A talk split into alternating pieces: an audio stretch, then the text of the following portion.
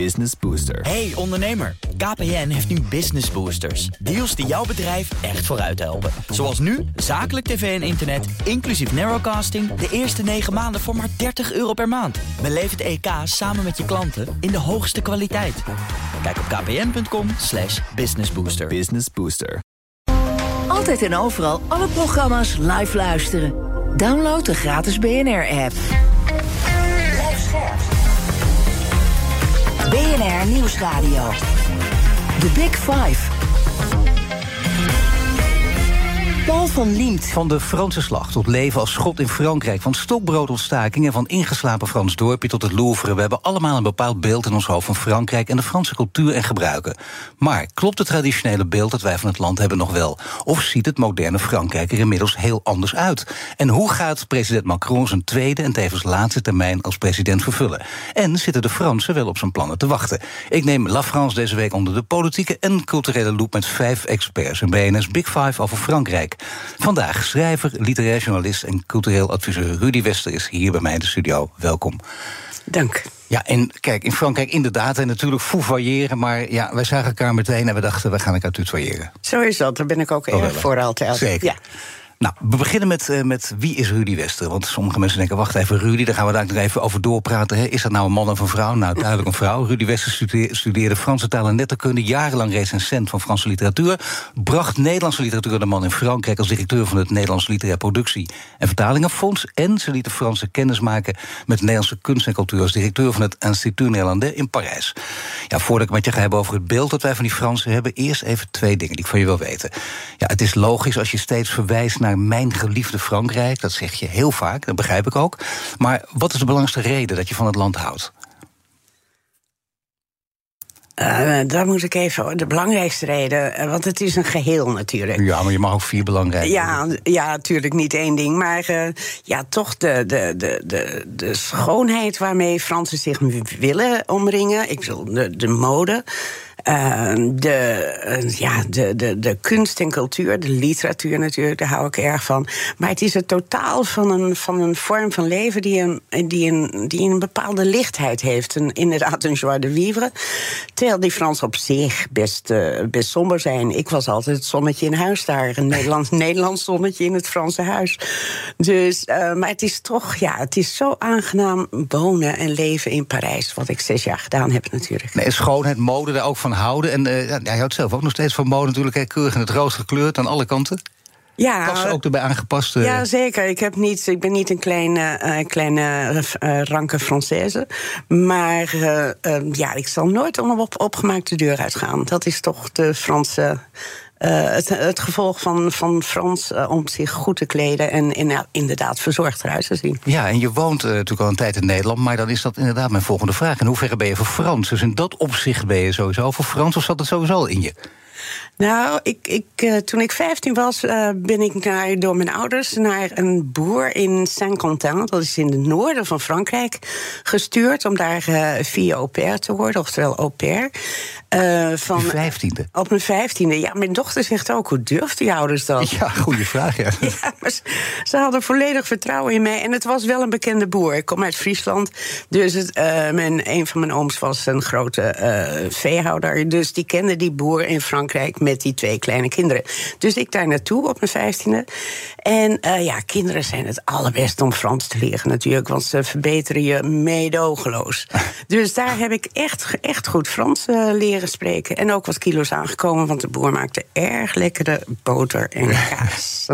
En is er veel veranderd sinds die tijd? Want eh, sinds die tijd ben je natuurlijk eh, heel lang met Frankrijk bezig, gewoond en gewerkt, af en toe terug. Maar is er veel veranderd? Ehm, nou, zoals bijvoorbeeld die boer in eh, Saint-Quentin. Eh, dat weet ik niet meer of die nu nog zo zou bestaan. Want eh, de, de landbouw in, in. Nou, de landbouw en de, de veeteelt in Frankrijk. De boeren, zullen we even zeggen. Die eigenlijk het hart van Frankrijk vormden. Dat is een gigantisch stuk achteruit gegaan. Ze zijn wel gesteund, ook door de Franse regering. Maar ja, eh, aan eh ruilverkaveling en zo deden ze niet. Dus ook in. Ik heb twee huizen gehad, huisjes hoor. In Zuid-Frankrijk, in de Auvergne en in de Berry. En dat waren allemaal keuzenboertjes. En uiteindelijk zijn ze gestopt met boeren. Dus bijvoorbeeld dat hele boerenlandschap in, in Frankrijk is verdwenen. Niet het landschap natuurlijk, maar de boeren. En, en verder, ja, ze hebben zich toch uh, wel wat aangepast aan de nieuwe, uh, meer efficiënte manier van werken. Ik bedoel, de, de lunch in Frankrijk, dat denken altijd Nederlanders nog, ja, uh, 2,5 uur en een grote fles wijn. Die 2,5 uur is verplicht. Dus uh, van 12 tot half drie moesten ook mijn medewerkers van het Institut Nederlandais lunchen. En ze kregen ook een bon déjeuner mee. Dus dat je inderdaad voor weinig geld kon lunchen. Dat moesten wij als werkgever verschaffen. Bij 2,5 uur alleen is het nu één glaasje wijn en veel water. En niet meer twee flessen wijn. Nee, dat zijn inderdaad wel enorme veranderingen. Dat zijn enorme ja. veranderingen. In, intussen, ja. de, de, laten we zeggen, de oordelen en vooroordelen bestaan nog steeds. Natuurlijk, Nederlanders een beetje lompen, de Fransen een beetje arrogant. Dat zit er nog steeds allemaal in, of niet? Dat zit er nog wel in. En dat is op een bepaalde manier ook zo. In elk geval dat Nederlanders lomp zijn. Uh, in Franse ogen, dat, uh, dat is ook wel zo. Ik bedoel, als je weer zag hoe uh, studenten de lezing van Macron in het uh, Nexus Instituut uh, in Den Haag onderbraken. Ja, dat vind ik buitengewoon lomp om een president te onderbreken. Met ook nog verkeerde opvattingen, zullen we even zeggen. En bovendien ook een student die sprak hem aan met hi. Dat vind ik ook niet helemaal gepast. Kortom, Nederlanders zijn. ja, hi, tegen ja. Macron. Ik bedoel, Nederlanders zijn wat dat betreft vrij natuurlijk, maar in de ogen van Fransen toch behoorlijk lomp en te direct. Fransen omkleden natuurlijk hun mening wel met prachtige woorden, waardoor je niet altijd precies weet wat ze bedoelen. Maar vind je dat prettig, die laatste manier van, van, van, van, communiceren? Ja, ik vind het wel erg mooi hoor. Ik bedoel, uh, als, ik, ik, geef mijn uh, kleinzoon een Franse bijles. En die moest uh, een woordje leren. Wat wil je drinken? Qu'est-ce que tu veux boire? En toen is het antwoord: Je voudrais un verre de d'eau. Ik zou graag willen. Nou, ja. dat zegt geen Nederlands kind. Die zegt gewoon, ik wil een glas water. Ja. Maar de Fransen zeggen, ik zou graag een glas water willen. Maar is ook wat de Engels ook een beetje hebben. Dat, dat, dat, is bijna vergelijkbaar natuurlijk met de Britten en met, met veel meer landen. Het is toch een, een, een, ja, ik vind het een mooie vorm van uh, met elkaar omgaan. Een beetje beleefd uh, is nooit uh, weg. Ja. En dan als je kijkt naar de handelsgeest, de, de, bekendste uitspraak misschien wel langzamerhand echt beroemd geworden. Wat best ja. interessant is voor een schrijver als Orwell Becker. Ja, ja. Grote schrijver, mensen die niet lezen weten het ook. En dat hij al, opeens in, in serotonine zijn vorige man heeft geroepen: Nederland is een, is een land, geen onderneming. Of is een onderneming, is geen land. En die, ja, dat is dan eigenlijk maar één zin. Je komt keihard aan, maar raakt hij daar de kern? Daar raakt hij in die zin de kern. Want de Fransen vinden de Nederlanders ook veel te efficiënt efficiënt. Uh, veel te, ja, toch ook te weinig te genieten van het moment. Ik bedoel, het broodje kaas voor de lunch uh, is wel een symbool voor de Fransen. Hoe Nederlanders met hun tijd omgaan snel een broodje kaas en niet uitgebreid uh, lunchen en daarvan te genieten. Maar vooral ook efficiënt. Heel snel tot de kern van de zaak te komen. Uh, Fransen breien er wat omheen en komen uiteindelijk. Uh, de, nogmaals, weet je ook niet zo goed wat, je, wat ze bedoelen. Maar uiteindelijk kom je er wel heen met een, kom je er wel doorheen met een vorm van elegantie. En dat, ja, dat, dat zien ze bij Nederlanders helemaal. Maar Wellebeck had natuurlijk ook over geld. Altijd aan geld denken. Dat dat belangrijk is. Van elke, van, van elke euro maak ja. je er Zo is dat. En dat, dus wat dat betreft had Wellebeck absoluut gelijk. Wat dat betreft wel. Maar ja. niet wat alles betreft. Daar gaan we komen nog over te spreken. The Big Five. The Big Five. Paul van Liemt. Mijn gast is Rudy Wester, schrijver, literair journalist en cultureel adviseur, tevens lid van het Frankrijk-panel van de Volkshand. Het land wordt al lange tijd geteisterd door maatschappelijke onrust en door stakingen. En daar waar de gele hesjes in 2018 de straat op gingen om te protesteren tegen de verhoogde brandstofprijzen, zijn het dit keer de pensioenplannen van president Macron, waar de Franse burgers zich door het hele land hard tegen verzetten. Ja, onder welke groep Fransen is die onvrede het grootst? Want daar zijn de meningen wel een beetje verdeeld over. Hebben niet zo'n zicht op. Is het, is het één groep of niet? Of is het een heel, heel gemengd gezelschap? Het is een buitengewoon gemengd uh, gezelschap. Het is echt jong en oud, rijk en arm, bij wijze van spreken. Uh, ze voelen zich allemaal aangetast in het feit dat hun sociale voorzieningen van hen worden afgepakt. En uh, die ze met veel moeite hebben opgebouwd met, na de Tweede Wereldoorlog. Dus er wordt iets van ze afgepakt. En grote veranderingen in Frankrijk, die gaan altijd met een conflict, nooit met een dialoog.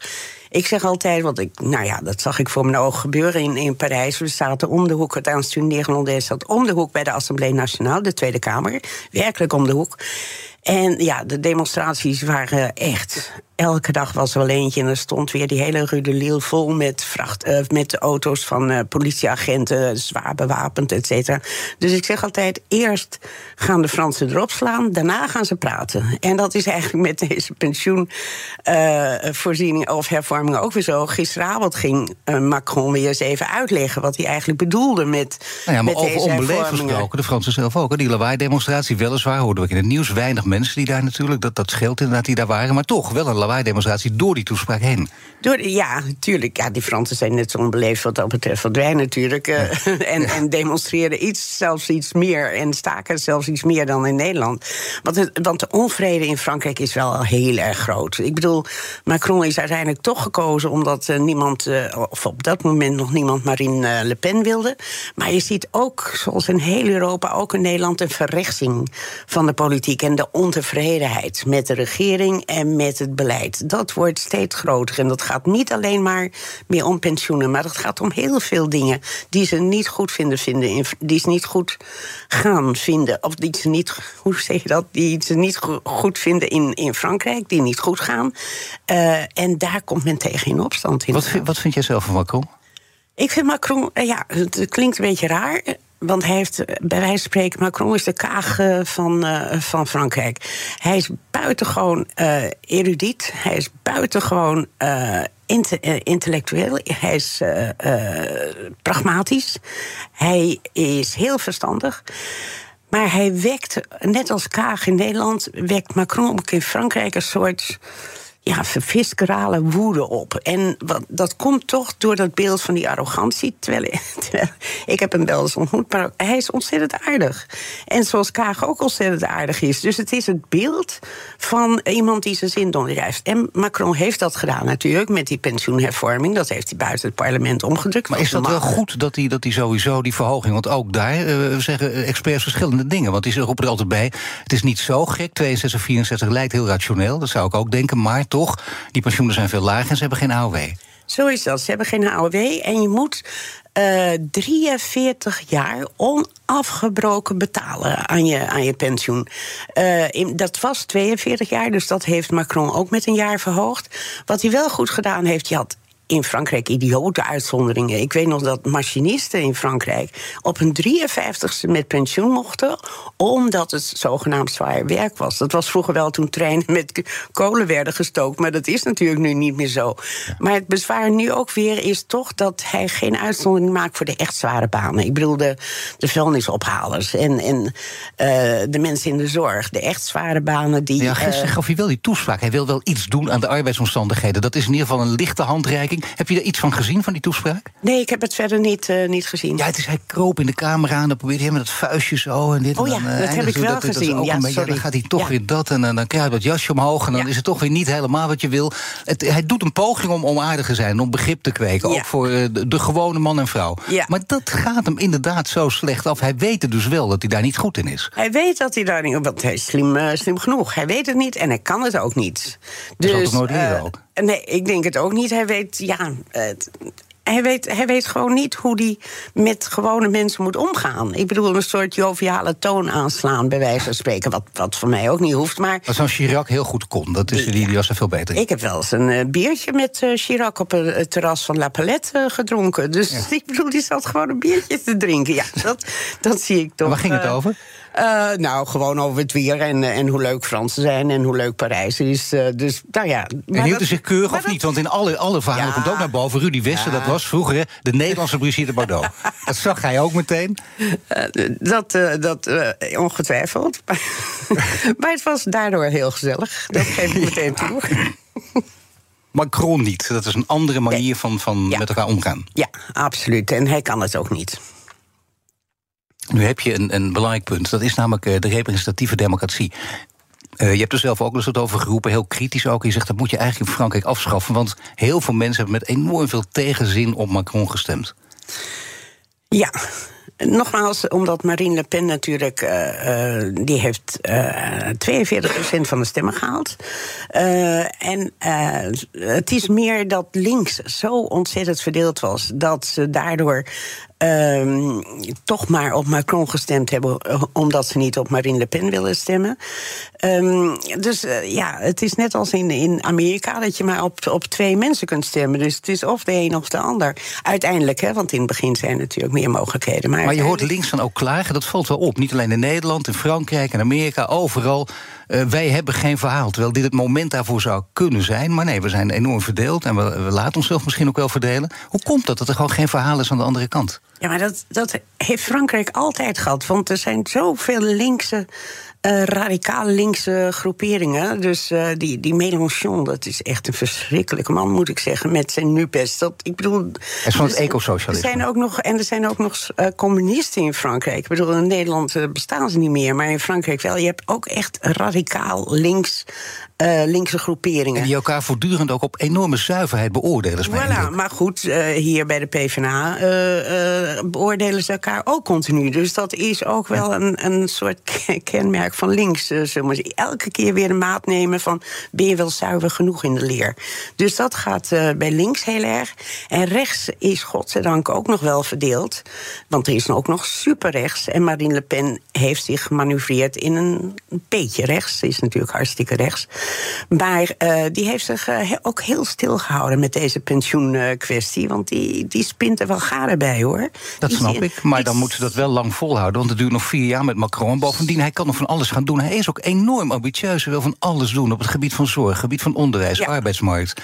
Belastingen omlaag. Ja, maar dat, dat, eh, dat, ja, hij heeft nog maar. Ik bedoel, wij vinden vier jaar lang, maar voor een president is dat uh, vrij kort. Hij wil het allemaal wel gedaan hebben, want zo wil hij die geschiedenisboeken wel hoor. Als een president die Frankrijk absoluut hervormd heeft. Want het is ook een beetje vermomd. Dat is absoluut waar.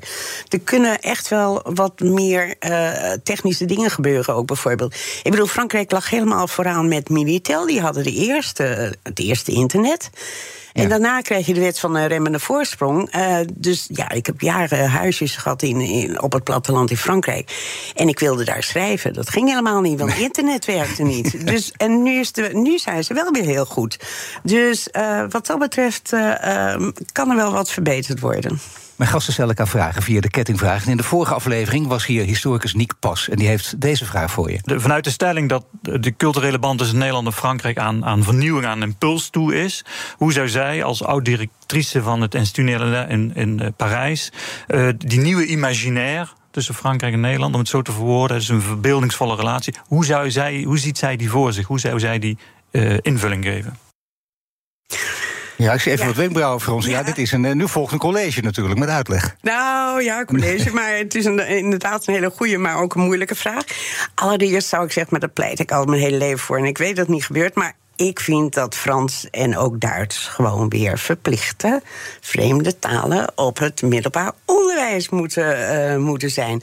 En ook als je naar Frankrijk uh, gaat, leer dan gewoon even wat, uh, wat Frans. om lekker te eten, daarom naar musea te gaan, om op de camping te staan. Dan zo pas als je Frans spreekt, kom je in aanraking met de Franse cultuur. Dan Institut Néerlandais Maison des Cartes in Parijs, in Amsterdam. Ja, uh, Nederland is altijd al heel zuinig geweest hoor, met, uh, met zijn cultuur. Nederland minacht eigenlijk zijn eigen cultuur. We hadden maar drie buitenlandse instituten: het Institut Nederlandais in Parijs, het Erasmushuis in Jakarta en het Vlaams-Nederlands Huis De Buren in Brussel. Mag ik nu een hele lompe Nederlandse inbreuk maken? Ja. Wil je nu even stoppen? We gaan straks verder. Dan gaan we hierover praten. En ook over die Nederlandse taal en die Franse taal. Want dat is interessant. Franse taal op scholen. Want er is wel heel veel meer over te zeggen. Ja. Morgen dan is eh, Peter Gies, Europa-redacteur en voormalig Frankrijk-correspondent voor de Volkskrant te gast. Abonneer je op onze podcast via je favoriete podcastkanaal om geen aflevering te missen. En straks praat ik verder over al deze onderwerpen met Rudy Wester en natuurlijk over de Franse cultuur. Blijf luisteren. Hardlopen, dat is goed voor je. En Nationale Nederlanden helpt je daar graag bij. Bijvoorbeeld met onze digitale NN Running Coach... die antwoord geeft op al je hardloopvragen. Dus, kom ook in beweging. Onze support heb je. Kijk op nn.nl slash hardlopen. Business Booster. Hey ondernemer, KPN heeft nu Business Boosters. Deals die jouw bedrijf echt vooruit helpen. Zoals nu, zakelijk tv en internet, inclusief narrowcasting... de eerste 9 maanden voor maar 30 euro per maand. Beleef het EK samen met je klanten in de hoogste kwaliteit. Kijk op kpn.com slash businessbooster. Business Booster. BNR Nieuwsradio. The Big Five. Paul van Liemt. Welkom bij het tweede half uur. Deze week vijf kopstukken uit de wereld van Frankrijk. Later deze week praat ik nog met Marc Chavan, politiek journalist en columnist voor de correspondent en voormalig correspondent in Parijs over de geopolitieke betrekkingen van Frankrijk. De gast is Rudy Wester, schrijver, literair journalist en cultureel adviseur. Komend half uur wil ik in ieder geval nog twee onderwerpen met je bespreken. Namelijk de Franse en Nederlandse literatuur en natuurlijk de cultuur. En laten we met het laatste beginnen. Want van 2003 tot 2009 was je directeur van het Instituut Nederlanden in Parijs. Dat is eh, de opdracht van het instituut eh, is Fransen laten kennismaken met de Nederlandse cultuur. Op een prachtige plek, Rue de Lille, naast laten we zeggen, de Franse Tweede Kamer. Alle ambassades in de buurt. Je als een enorme netwerken. Nou, ideale kan het gewoon niet. Dan denk je dat gaat gewoon nog steeds door. Maar dat hield op een gegeven moment op. Maar gingen die twee samen, Frankrijk en Nederland, met elkaar laten kennismaken? Op cultureel oh, gebied. Oh, dat, dat ging uitstekend. Want uh, uh, Fransen zijn toch nieuwsgierig. Uh, en um, ah, ze houden ook erg van, uh, van de grote meesters. Ik bedoel, je ziet nu heel veel Fransen in Amsterdam... allemaal naar de Vermeer tentoonstelling. Wij hadden daar natuurlijk, omdat de Stichting Custodia... daarnaast had met een van de mooiste collecties ter wereld... we, we konden Rembrandt uh, laten zien, uh, Koekoek had ik aan de muur hangen... Ruistaal aan de muur. Dat, ja, dat vinden de Fransen fantastisch. Maar hoe kon het dat, er allemaal, dat dat allemaal aan de muur hing? Dat was toch bezit van Custodia. Ja, en, en ook van buitenlandse zaken. Die hadden ook een grote kunstcollectie die ik aan de muur mocht hangen. Dus dat was nou, geweldig. Nou, netjes van buitenlandse zaken. Dat is heel netjes en ik ging er ook heel voorzichtig mee om natuurlijk. maar de Fransen waren... De, want ik richtte altijd grote diners aan na de opening van een tentoonstelling bijvoorbeeld... waar dan de Nederlandse kunstenaars waren... en Franse museumdirecteuren en uh, galeriehouders... die ik dan aan elkaar uh, plakte, zullen we even zeggen. En wat was dus, het doel uiteindelijk? Wat, wat was het effect dat je erbij hebt kunnen bereiken? Uh, toch, nou ja, dat. Want uh, de hedendaagse kunst is uh, in Nederland zijn grote talenten die ook heel jong al een, een kans krijgen. De, de kunstopleidingen in Nederland zijn fantastisch. Beter dan in Frankrijk. Daar, of beter, maar in elk geval daar doen ze er veel langer over. Dus, dus, jonge talenten krijgen in Nederland. En die liet ik daar ook zien. Maar ook jonge muzici. We hebben fantastische muzici.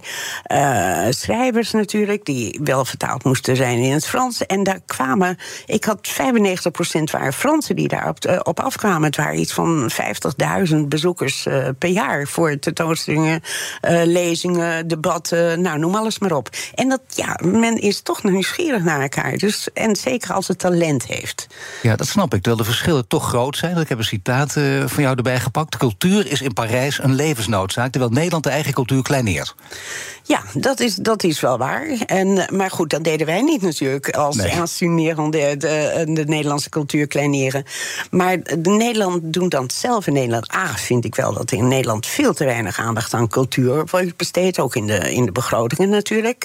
Ik vind dat kunstenaars beter en de instellingen en de festivals en de podia beter, beter beloond moeten worden. Halbe Zijlstra destijds, een linkse hobby. Nou, dat, daar hebben we zo'n last van gehad in, in Nederland als uh, kunstenaar. Dat was echt verschrikkelijk. Dus Nederland heeft zijn eigen cultuur niet eens hoog zitten. Terwijl het ook een heel goed exportproduct is, als je dan toch in economische termen denkt. Want in Frankrijk, daar, is, uh, ja, daar wilde men graag tentoonstellingen van, uh, van Nederlandse kunstenaars. En dat deden wij. Kortom, uh, wij wilden, nou ja, dat was het doel van het Instituut Nederland. De Nederlandse cultuur, zeer breed, tonen aan de Fransen. En dat het van goede kwaliteit is. Dat je uitzonderlijke Nederlandse kunstenaars. En dat is allemaal in Parijs nog steeds, de culturele hoofdstad van de wereld. Want zo omschrijven ze zichzelf natuurlijk nog steeds heel graag. Maar is het ook terecht? Uh, de, de, het is wel wat tanende hoor. Ik bedoel, uh, het is wel zo dat na de Tweede Wereldoorlog uh, ging een beetje Nederlandse schrijver natuurlijk wel naar Parijs. Dat was het literaire centrum van de wereld. Ik bedoel, Vre- Willem Frederik Hermans heeft er gezeten. Maar daarvoor Remco Kampert al, die ging ook Remco. Kampert, Vinkenoog, eh, Hugo Claus, noem ze allemaal maar op. Die zaten allemaal in Parijs. Op een houtje te bijten, dat wel. Maar het was Parijs. Die, Geweldig boek Unmovable Feast, even over de Amerikanen. Fitzgerald en Hemingway natuurlijk Van ook, die daar naartoe natuurlijk. gingen. En dat is Ja. geweldig. Je kunt nog steeds naar al die restaurantjes toe waar zij naartoe gingen. Zo zien is er anders uit, maar toch. Ze zien er iets anders uit, maar je hebt ze nog steeds hoor. Die er Ja, precies zeker. zo uitzien. Godzijdank, inderdaad. Dus, eh, Mooi boekhandel ook, Shakespeare Company. We geven allemaal, Ja. allemaal even tips ook meteen ja, weg, toch? Ja, ja, ja, ja. En Nederland had zelfs een boek eh, geschreven, dat heette Paris Saloon. Waar eh, eh, Willem van Malsen onder andere, maar ook Bernard Holtrop aan meewerkt. dat is de grote tekenaar Willem natuurlijk, die voor Charlie Hebdo tekende. En net aan die aanslag ontsnapt is, omdat hij overal te laat kwam altijd. Dus, Ja. maar dat is nog steeds een grote naam in Frankrijk, Willem. En die, dat is gewoon Bernard Holtrop. Maar Parijs, eh, die grote stad, grote culturele stad... totaal niet rep- representatief voor Frankrijk? Of onderschatten we dat een beetje? Nee, maar zo is Amsterdam ook niet representatief voor Nederland natuurlijk in die zin. Dus eh, hoofdsteden zijn in die zin. New York is ook niet representatief voor, eh, voor Amerika. Dus dat, dat is altijd al zo geweest en zo zal dat ook blijven. En zeker, laten we zeggen, Parijs zonder de banlieues is bijvoorbeeld heel erg wit. Dus, en, en ook heel erg rijk, want anders kun je helemaal niet in, in Parijs wonen. Ja, maar dat zijn opvallende verschillen met bijvoorbeeld Amsterdam met New York. Oh ja, zeker. En nou ja, in Amsterdam wordt het ook duurder, daar gaat het niet om. Maar eh, eh, het is wel gemengder. Maar in Frankrijk is natuurlijk. Oh, Parijs is veel groter. Hè? Dus er wonen al 10 miljoen in het, eh, in het centrum. En dan tellen we nog niet eens de banlieues mee. Dus eh, de banlieues liggen ook veel verder. Hoewel Nou sprak, je, nou sprak je met trots over je instituut. Dat, dat is wel belangrijk om te weten, denk ik. Want Ja. eh, kijk, toen jij er aantrad... Je had de voorganger Henk Prupper, ook een paar keer bij ons in de uitzendingen geweest. En die zei toen, ja, na mij wil iedereen dit worden. En dat is ook zo, wel 200, 300 mensen die allemaal solliciteerden. Jij eh, was de gelukkige. Achteraf kun je misschien nu prijsgeven hoe dat gelukt is. Eh, heb je zelf nog enige info proberen uitoefenen? Hoe kwam het dat jij deze felbegeerde baan kreeg? Het is een hele zware procedure was het. Ik heb nog nooit, eigenlijk heb ik nog nooit gesolliciteerd. Dus dit was ook voor het eerst. Dus het was een grote schrik. Met psychologische testen. En eh, ja, je werkt toch ook voor buitenlandse zaken. Want je wordt diplomaat. Dus je, je familie en vrienden worden ondervraagd. Eh, of ik wel zuiver op de leer ben. En ehm, ik heb natuurlijk niet iets speciaals gedaan. Ik was een van de Maar 200. geen lijk in de kast te vinden bij jou? Nou, eh, misschien wel, maar in elk geval eh, niet zodanig dat Buitenlandse Zaken daarvan schrok. Nee, ze hebben misschien niet goed gezocht, of wel? Misschien dat je nou iets kan prijsgeven. Wat hebben ze over het hoofd gezien? Nee, dat is heel flauw. Maar jij kwam daar toen, toen was dus een- da- daarom. maar dan- Toen kreeg je uiteindelijk die functie en je hebt uitgelegd wat je daar hebt kunnen bereiken. Wat, wat een mooie functie het is. Maar dan na jou, dan, hoe kan dat nou? Dan komt er een Amerikaanse vrouw, dat is ook heel gek. En die, die, dat lezen we terug. Dat kun je allemaal op Google keurig vinden. Die heel weinig gehad met. Met, met Parijs, met Frankrijk, met Nederland ook. Dus ja, waar- waarom, hoe kan dat dan? Dat het op, op die manier helemaal instort. Dat men het gewoon eigenlijk eh, vanzelf laat gebeuren. Nou ja, ten eerste, eh, eh, de Amerikaanse had geen baan. Ze was cultureel associé, maar ze zat zonder baan. Dus het was gewoon een opvulling van een, een baan. En dat is natuurlijk niet het directeurschap van het Institut Nederlandais. Daar moet je echt bevlogen voor zijn en houden van Frankrijk, wat ik deed. Want anders kan je, krijg je niks voor elkaar. Dus het is ook een beetje een, laten we zeggen, een opzetje geweest van Buitenlandse Zaken... om daar zo iemand neer te zetten. Wat natuurlijk het Institut Nederlandais helemaal geen goed eh, deed. Omdat Buitenlandse Zaken zag dat jullie daar heel veel eh, eer misschien wel wegtrokken. Ja, ja, ja. Ik bedoel, jaloezie is een van de bekendste eh, vreselijke menselijke eigenschappen. Maar dat speelde ook zeker hier een rol. Want alle ambassades hebben natuurlijk een cultureel attaché... die eh, in een bepaald land die dan culturele zaken opzet. Alleen gaat dat in zo'n bureaucratische setting... dat dat nooit zo goed werkt. Maar ik was en diplomaat, cultureel attaché, ambassaderaad voor culturele zaken en directeur van het Instituut Nederlandais. Het eerste deed ik één dag per week en de rest eh, en zes dagen per week natuurlijk directeur Instituut Nederlandais. Maar bijvoorbeeld als diplomaat mag je je mond niet open doen.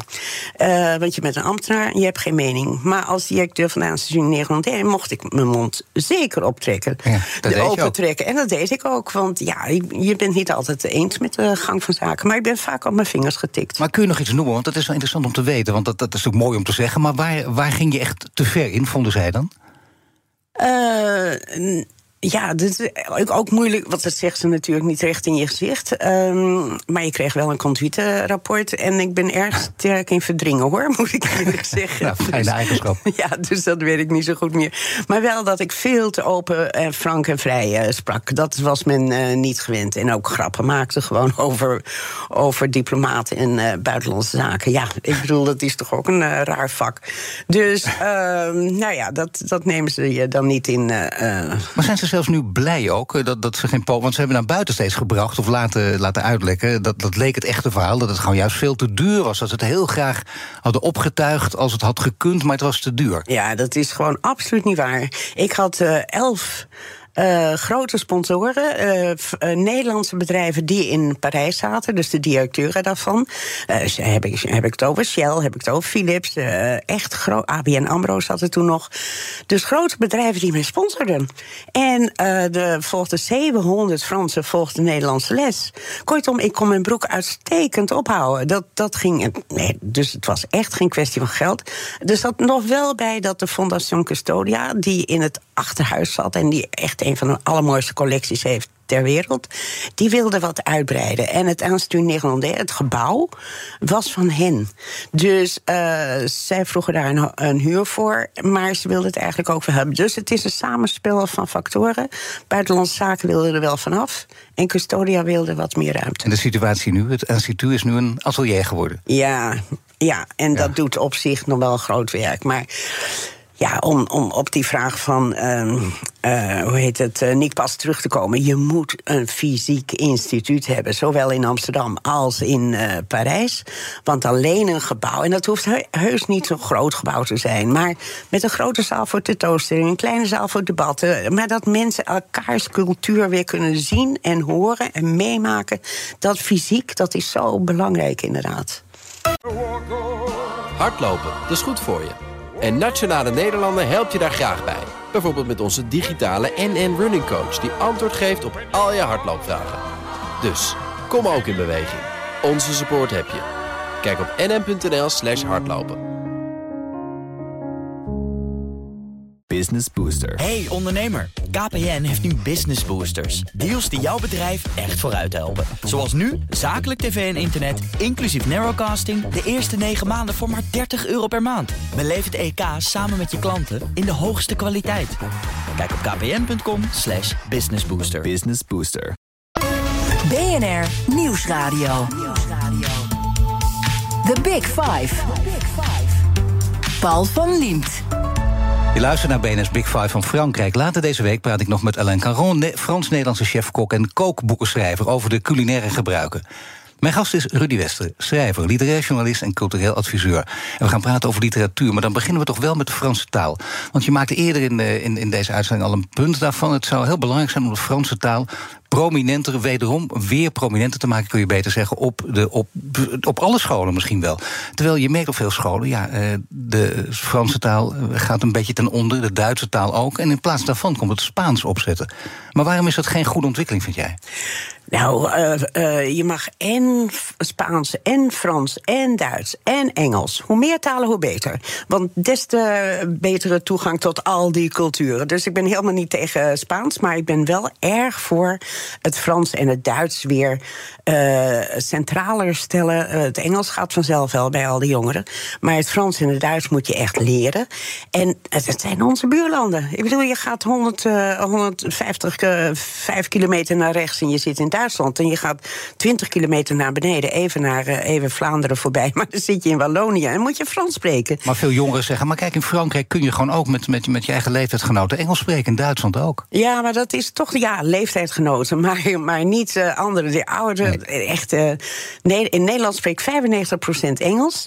En in Duitsland 40%. En in Frankrijk, Frankrijk ook zoiets. Dus wil je echt gewoon met Fransen praten, dan moet je het Frans redelijk beheersen. Je hoeft heus niet perfect te spreken. Maar toch om die lobby in te zetten, dat merk je ook. Mensen die dat doen, die zeggen het is toch heel lastig om te lopen tegen muren op. Er zijn natuurlijk veel meer vakken die allemaal een voorrang strijden. En Spaans is ook een wereldtaal, nog een grotere taal dan Frans. Nou, Frans is ook een behoorlijke wereldtaal. Ik bedoel, met al hun voormalige koloniën. Ik uh, ga regelmatig naar Senegal. Ja, dan kan ik ontzettend fijn Frans spreken. Ja, nee, dat is waar. Maar goed, heel Zuid- en Midden-Amerika. Maar goed, die strijd zal blijven voortduren. Denk je dat het een verloren strijd is? Dat het langzamerhand, want je ziet het nu langzamerhand afkalven. Ja, eh, vooral alle talen nogmaals. Hè. Dus niet alleen het Frans, maar ook het Duits en, en zelfs het Spaans. Eh, ik bedoel, dat doe je uit liefhebberij.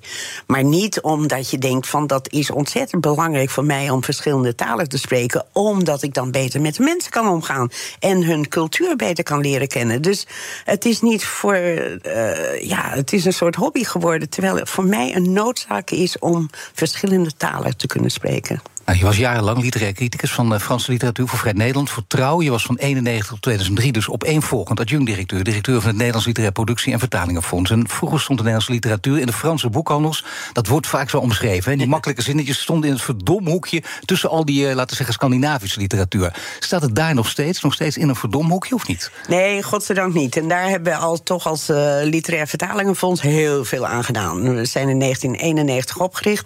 En in 1993 waren we gastland op de Frankfurter Boegmessen. Dat was een enorm succes. En daarna hebben we ons continu uh, in, ja, op gastland op boekenbeurzen weten te maken. Dus waar gastland op de boekenbeurs in Tokio bijvoorbeeld. Dus Japanners kunnen Nederlandse literatuur uh, lezen, in vertaling natuurlijk. In 2003, vlak voordat ik naar Parijs ging, waren we gastland op de Salon du Livre in, in Parijs. Daar waren we met 30 Nederlandstalige schrijvers, dichters, kinderboekenschrijvers, volwassen schrijvers, Adriaan Dis tot nou, Notenboom, Halle Hazen.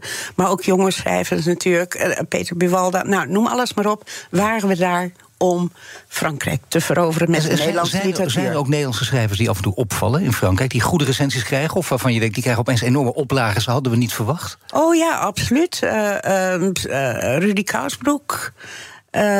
met uh, nou, en Jeroen Brouwers, sorry. Ik weet even de titels niet. In, in, wat ik denk alleen maar dan in de Franse vertaling, neem ik waar. Maar er zijn uh, grote. Uh, diner van hoe Herman, heet Koch. Herman Koch. Dus er zijn titels die uitstekend lopen. Want iedereen denkt altijd maar dat we, dat, dat we subsidie geven en dat ze vervolgens niet gelezen worden. Dat is gewoon niet waar. Dus de, Franse liter, de Nederlandse literatuur in Franse vertaling doet het prima op dit en moment. En waarom is dat zo belangrijk? Ook weer leren elkaar cultuur kennen. Nederlanders schrijven toch anders ook weer dan Fransen. Fransen spelen veel meer met de taal. Ze hadden een avant-garde uh, literatuur met Beckett natuurlijk. Absurdistische literatuur met Camus. Uh, Willem Frederik Hermans, uh, die heeft zich duidelijk gebaseerd op Camus... met zijn, met zijn boeken waarin mensen nutteloze dingen doen... en een, het nut van het bestaan niet inzien. Dus de Franse literatuur heeft de Nederlandse literatuur beïnvloed... en Nederlanders schrijven gewoon anders dan even een paar namen noemen van Franse schrijvers. Waarvan je zegt, die zijn echt heel goed, die zijn aan te raden. Als je wil verdiepen in die cultuur, is ook nog leuk. En dat is een fijne tijdbesteding ook. Want het is niet doorploegen, het is prettig. Welke schrijvers zou je dan moeten lezen? Nou ja, Wie, welke geven ook mooie inzichten? Uh, bijvoorbeeld Annie Ernaux, die de Nobelprijs voor uh, literatuur net gekregen heeft. En die uit een arbeidersmilieu komt. Dus die schrijft heel sober. Niet met veel krullen, zullen we maar even zeggen, en et cetera.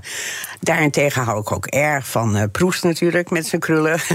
Ja. en zijn lange à la recherche du, du temps perdu. Dus met, de zinnen, met zinnen van één pagina lang hou ik ook ja. van. Maar ook Michel Houellebecq, dat is wel een fenomeen hoor, in de Franse zo vertellen, want die is de laatste tijd flink in het nieuws. Dat doet hij ook altijd veel uh, reuring om hem heen. Dat zie je tegen. Vroeger zag je dat veel vaker bij schrijvers, nu maar heel af en toe. Maar ja. het was wel een, een heel verhaal natuurlijk nu met Wellebeck.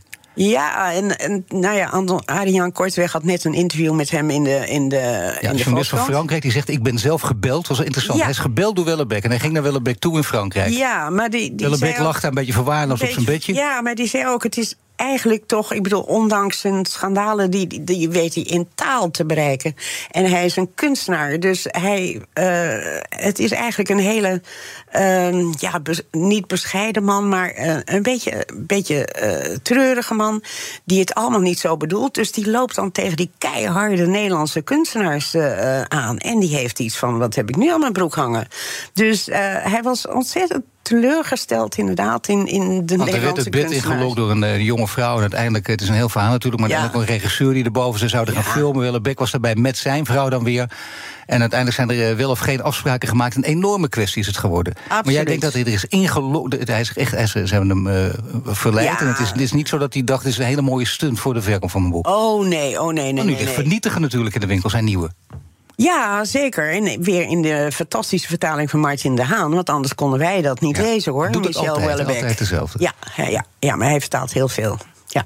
Dan, eh, jij hebt ook heel veel geschreven en je doet het nog steeds. En je bent nog steeds hartstikke jong, maar toch, hè, op een gegeven moment... je, sommige mensen houden op, maar jij denkt, ik ga gewoon door.